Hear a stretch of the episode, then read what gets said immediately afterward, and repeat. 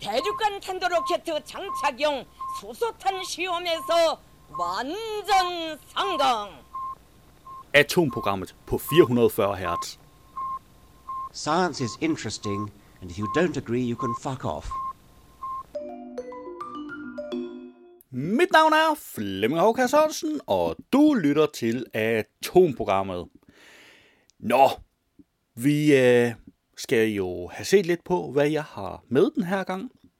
Jeg synes faktisk ikke rigtig, at jeg har ret mange podcastklip med, vi skal høre, men lad os da kaste blik på dem, jeg har. Fordi jeg har drugs, diktat og delfinsex. Jamen, vi ligger hårdt ud her med vanvittig verdenshistorie. Øhm, og, og det er vanvittigt den her gang. Øhm, delfinsexen er måske nok det, de... Øh, altså, det er lidt overdreven. Det er en, der, der wanker en delfin. Øh, men altså, det, det er for et godt formål.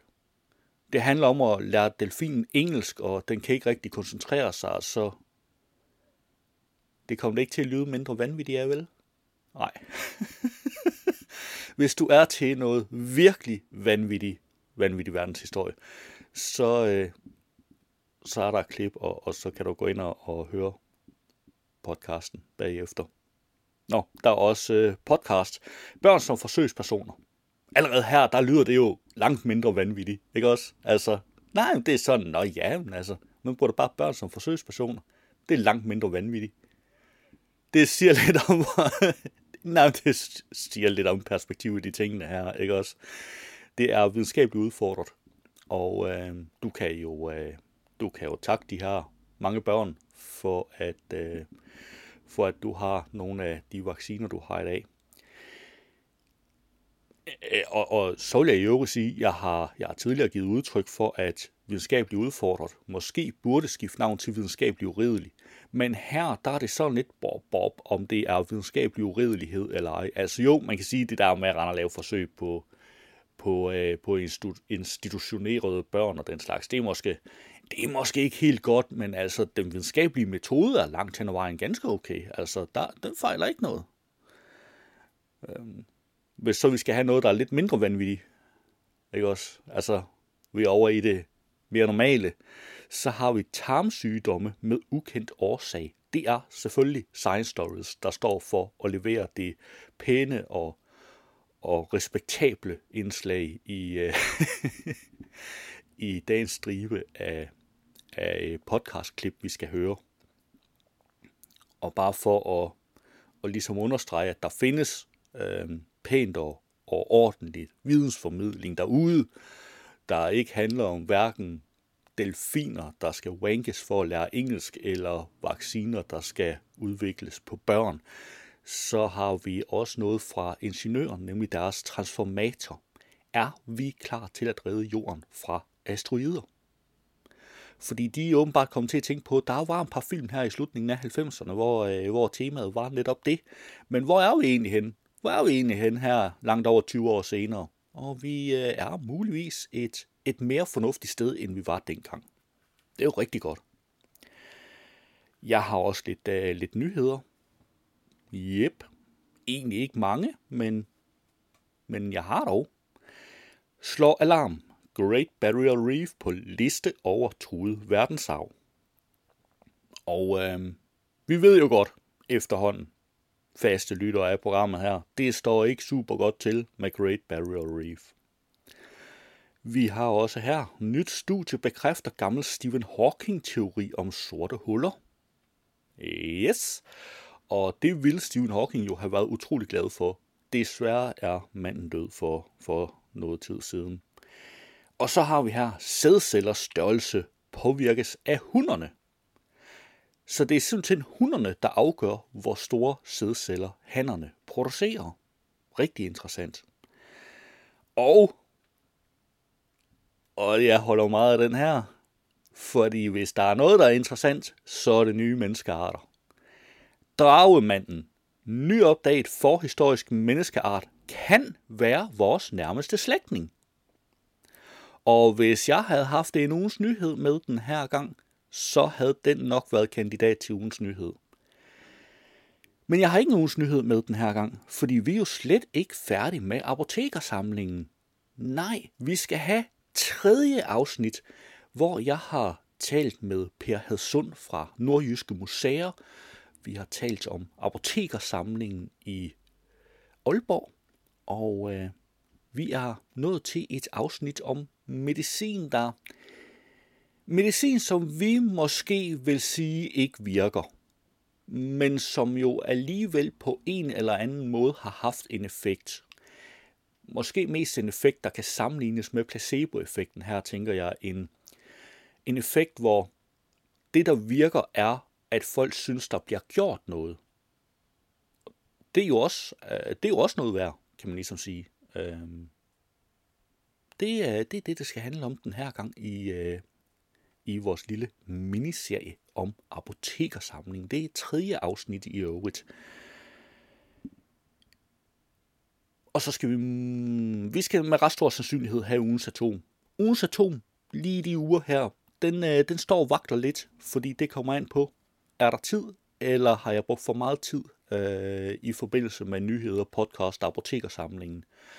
Og nu tænker jeg, apotekersamlingen afsnittet er noget kortere end i sidste uge.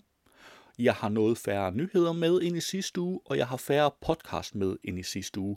Til gengæld, så er en time stadigvæk om, omkring 60 minutter, ligesom i sidste uge. Så det må jo logisk set betyde, at jeg godt kunne putte et lille atom ind. Så jeg tror, vi får ugens atom også den her gang. Jamen, det er jo faktisk det. Lad os komme i gang. Lad os kaste et hurtigt blik på, hvilke podcasts, der er dukket op i løbet af ugen. I denne uge er der også en ny udgave af Science Stories podcasten.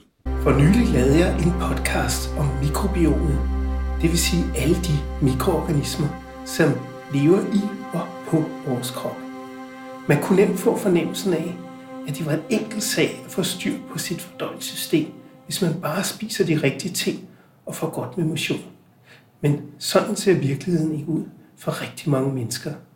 I Danmark og i mange andre, især vestlige lande, er kroniske inflammatoriske tarmsygdomme nærmest en folkesygdom, og rigtig mange mennesker døjer med kronisk betændelse i deres tarmsystem.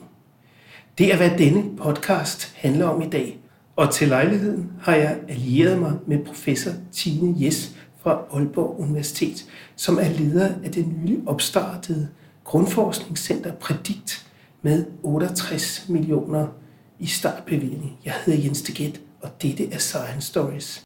Det var en lille bid af Science Stories, og du kan naturligvis finde et link i show notes. I denne uge er der en ny udgave af Videnskabeligt Udfordret. Han skriver det ned, han skriver noter, mens han ser børnene, de begynder at blive anorektiske, de begynder at kaste op, de begynder at blive gule i ansigterne og i øjnene, og deres lever begynder at blive forstørret. Og på intet tidspunkt stopper han op og tænker, nu kan det godt være, at det er nok. Tværtimod, det der, hvad siger du? når man har været på arbejde, Mm. og man tager hjem, og så tænker man på alt det, man har lavet. Mm-hmm. Man visualiserer lige. du ved, hvad har jeg opnået i dag? Mhm. At han hjem, og så han bare kunne tænke på alle de her børn, der har været anorektiske og brækket sig. og begyndende leversvigt og tænke, jeg har fandme gjort det godt i dag. Men det er jo stadig bare et, øh, et, et, altså et, et, et svagt forløb. Det er jo ikke et slemt forløb, det her. Nej, nej, nej, nej. Det er jo ikke, det er jo ikke en slem sygdom. Jeg gør dem jo en tjeneste ved at sørge for, at de får sygdom under trygge rammer. For fuck's sake, mand. Det var et lille klip af Videnskabeligt Udfordret. Du kan finde et link i show notes. I denne uge er der en ny udgave af historiekomedy-podcasten Vanvittig Verdenshistorie. Øh, for vi skal tale om en, en akvatisk romance, der får folk til... Altså, hvis man sidder derude og synes, den der Shape of Water, det var sgu weird nok. Så når man har hørt den her, så vil man sige, ja, det var faktisk en meget smuk historie. Er det flipper? Er det historien om flipper? Han er også med. Øh, Cameo!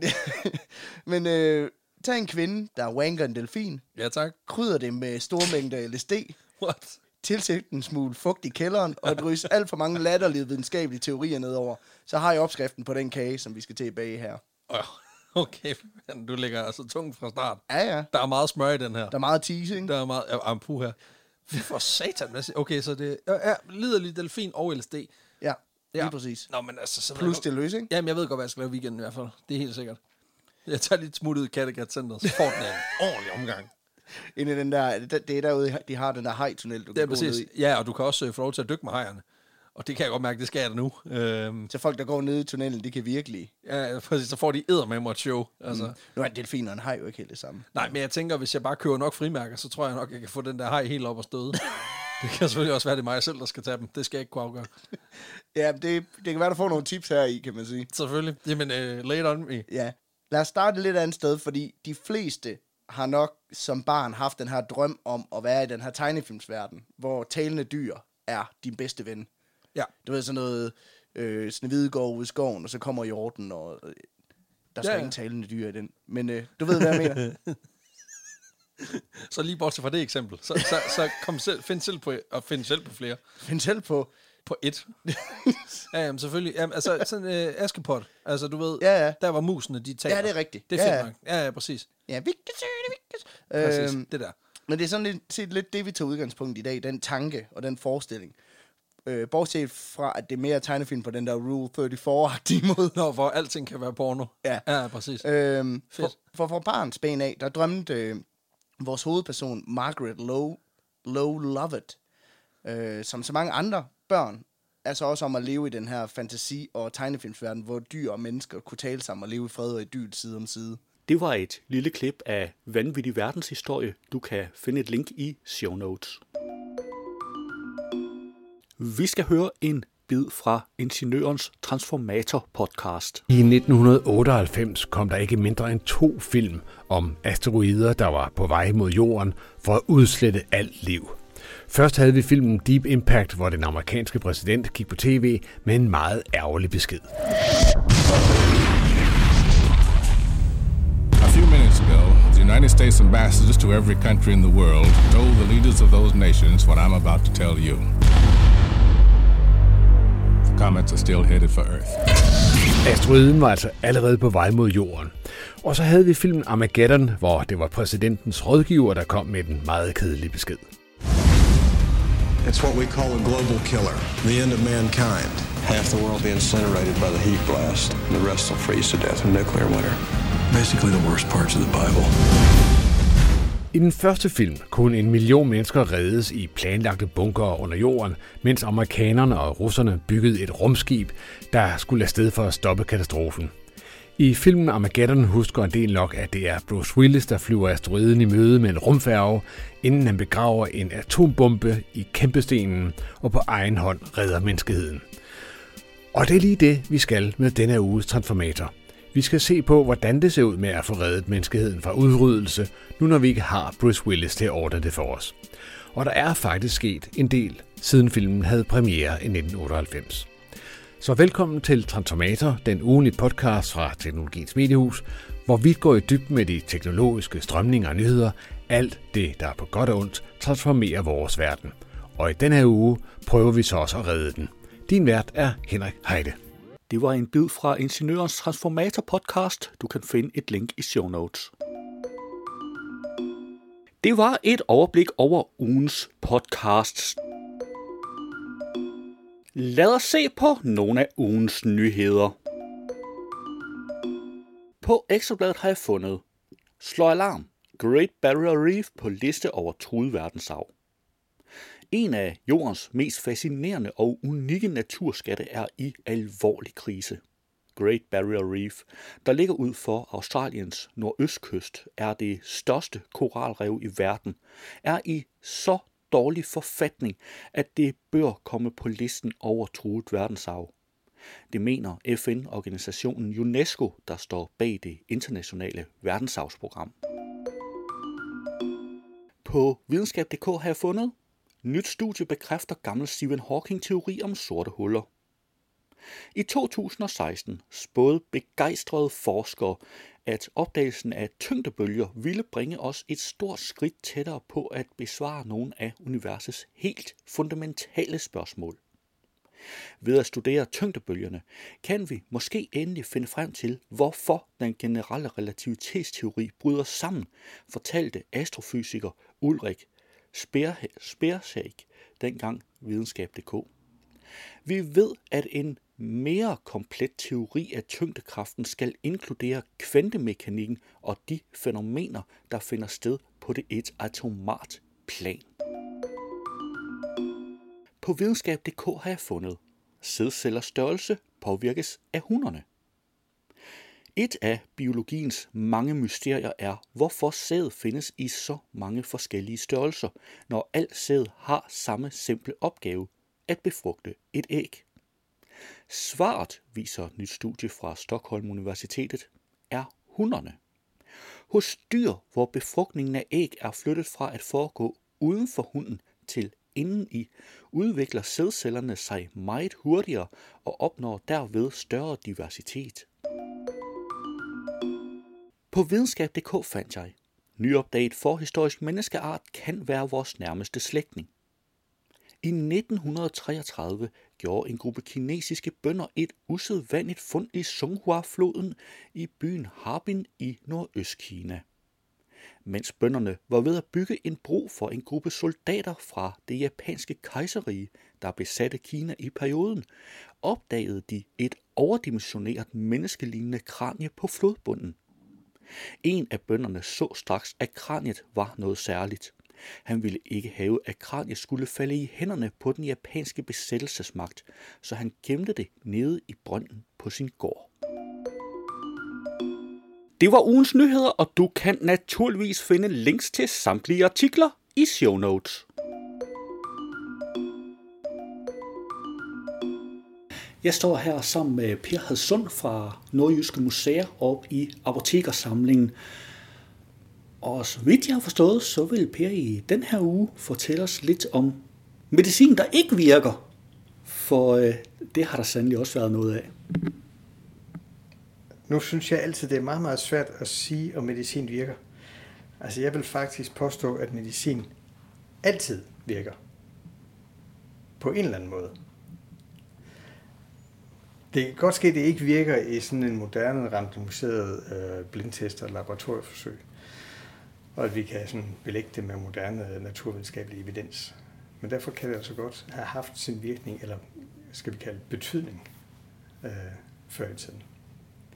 Og, og jeg har fundet et par skuffer frem her med et par meget gamle og klassiske midler, øh, som ret hurtigt ryger ud af sådan lægemedicinen, men da apotekeren jo er købmand, og han får uden den der lægemedicin, han skal have stående, sælger alt det, folk gerne vil have, så har det stået her på loftet i århundreder.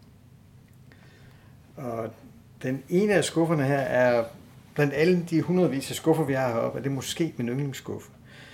Og der står på fronten af den, der står der Sankvi Hirsi, hvilket betyder øh, hjorteblod, eller bukkeblod, ikke hjorteblod, men bukkeblod, gedebukkeblod. Og det er sådan et gråsort eller brunsort pulver. Og det er efter al sandsynlighed tørret blod. Vi er ikke helt sikre, men vi er faktisk ved at få det undersøgt.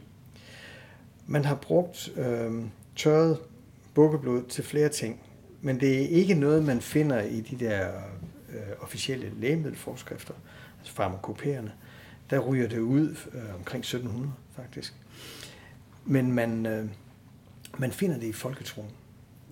Et, et af de sidste steder, jeg har fundet det, og et af de eneste for øvrigt, sådan på skrift, det er i et lille klædehæfte, hvor en øh, møllerkone nede fra en by, der hedder Skrødstrup, nede ved Maja. Øh, jeg siger nede, fordi vi står i Aalborg, så det er lidt længere nede i landet, i Østjylland. Hun har skrevet et, et øh, råd, jeg ved ikke, om hun har brugt det, men hun har modtaget et eller andet sted fra, skrevet det ned, hvis nu hun skulle få brug for det. Og det handler om, hvad man skal gøre, hvis man får så ondt i ryggen, at man ikke kan trække sit vejr. Så skal man tage noget bukkeblod og blande det med valrav, øh, undskyld, valolie, spermacetolie eller spermacetvalsolie, og det skal man koge i mørkt øl. Og så får man sådan, forestiller mig, en noget ildlugtende øh, blævrød væske, og den skal man så drikke af morgen, middag og aften, og så går værken i ryggen over. Og det har øh, næppe sådan videnskabeligt set virket, men man har da gjort mod, mod ondet, og man havde jo ikke råd til at tage ind øh, til Randers eller den store by, hvor der var en læge, og betale ham for en konsultation og betale for noget dyr medicin. Men det her kunne man næsten lave selv, hvis man købte lidt bukkeblod og lidt valolie på apoteket. Og ved siden af det er så noget, øh, hvor vi er helt over i det religiøse, øh, og som har levet rigtig, rigtig længe. Det er nogle små øh, brunrøde lærklumper, og hvis man kommer helt tæt på dem, de er sådan et par centimeter i diameter, så kan man se, at de er lidt fladtrykte, og de har et lille sejl øh, i form af en pavekrone øh, på den ene side. Øh, det er sejljord, altså forsejlet jord, eller terra sigillata, med, med pavens sejl på. Det er fra Malta. Øh, og det er munkene på Malta, der har fået formet de her den stedlige lær. Øh, og der mente man simpelthen, at fordi profeten Paulus på et tidspunkt var strandet på Malta, det mener man i hvert fald på Malta, at han var, øh, så blev jorden, øh, så at sige, gennemimprægneret af hans hellighed i den grad, at alle øh, giftige dyr mistede deres giftige virkning. Så hvis man øh, spiser lidt af det her, og for øvrigt er from og siger de rigtige bønder imens, så vil øh, det virke som øh, en, en modgift mod hvad som helst. Og man kan der også ligesom øh, spise det på forhånd, og så vil man være beskyttet måske et halvt år. Og, og det har vi altså stående her, selvom lægerne ikke har, har troet på det siden 1600-tallet, så har man haft det stående langt, langt op øh, i tiden her på apoteket. Vi ved ikke, øh, hvor længe man er blevet ved med at sælge det. Men det er igen sådan et, altså et religiøst, faktisk kristent folkelægemiddel, der er blevet stående her. Men hvis vi skal gå til alle tiders mest fantastiske lægemiddel, så skal vi herover til den absolut største beholder, der er i hele samlingen. Den store terjak-beholder. Øh, den er godt en halv meter høj, og på fronten af den er tin, og så er der sådan en flot øh, kartus foran, hvor der med guldbogstaver er malet kongens monogram, Christian den 5. Øhm, og så står der foran Teriaka Andromakos og and, Andromaki. Og Androma, det er fordi det er Andromakos, som var kejser Neos livlæge i første århundrede efter Kristi med i, øh, i Romeriet. Øh, og kejser Neos livlæge Andromakos, han blev bedt om at lave en universel modgift, sikkert fordi kejseren med god grund var bange for at blive forgiftet.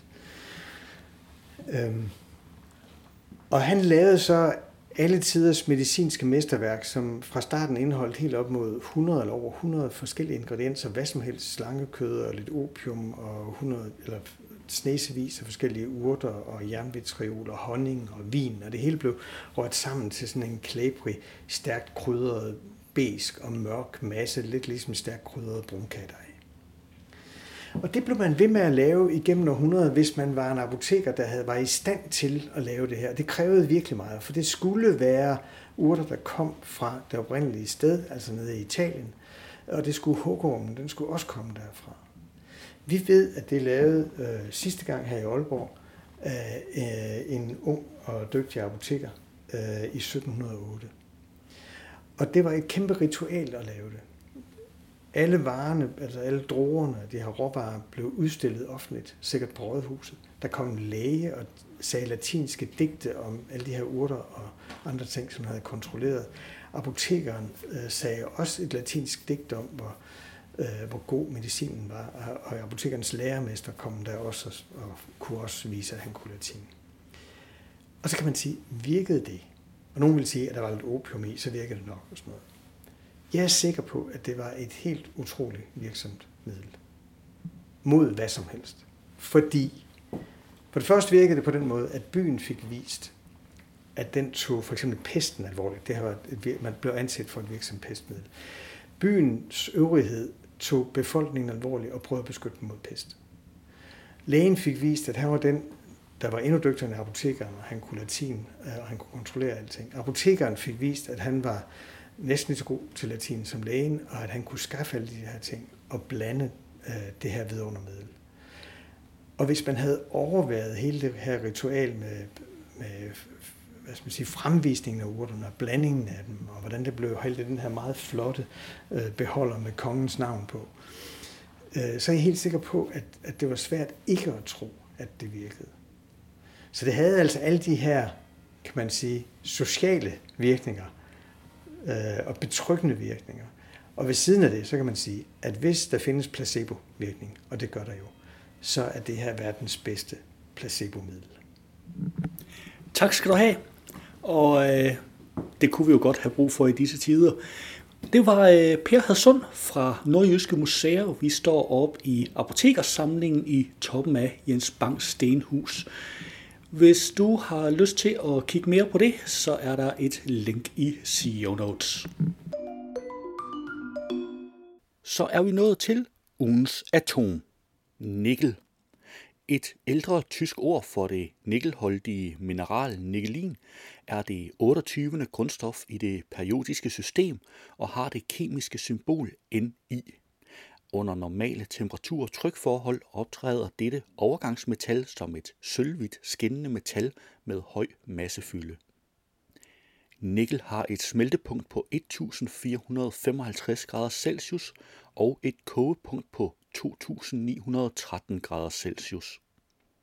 Nikkel er et relativt hårdt, men formbart metal med en overflade, der kan poleres temmelig glat. Nikkel er kemisk modstandsdygtigt over for såvel atmosfærisk luft som vand, og fortyndede syre angriber kun langsomt metallet. Nikkel anvendes primært i rustfrit stål og andre mere specialiserede legeringer, men også til mønter som grønt farvestof i glas og til at galvanisere andre metaller. Sudbury-regionen i Ontario i Canada står for 30 procent af verdensproduktionen af nikkel. Det meste af jordens indhold af nikkel menes at være sunket ind til kernen tidligt i klodens historie. Det var ugens atom i atomprogrammet. Hvis du havde hørt radioudgaven, så ville her være denne uges udgave af NASA's nyhedspodcast This Week at NASA, men den er ikke inkluderet i podcastudgaven af udsendelsen. Du kan finde et link til den i show notes. Det var atomprogrammet for denne gang. Du skal have tak, fordi du lyttede med, og vi lyttes ved næste gang. Atomprogrammet er hjemhørende på 440 Hz. Du kan finde mere på 440 Hz.net.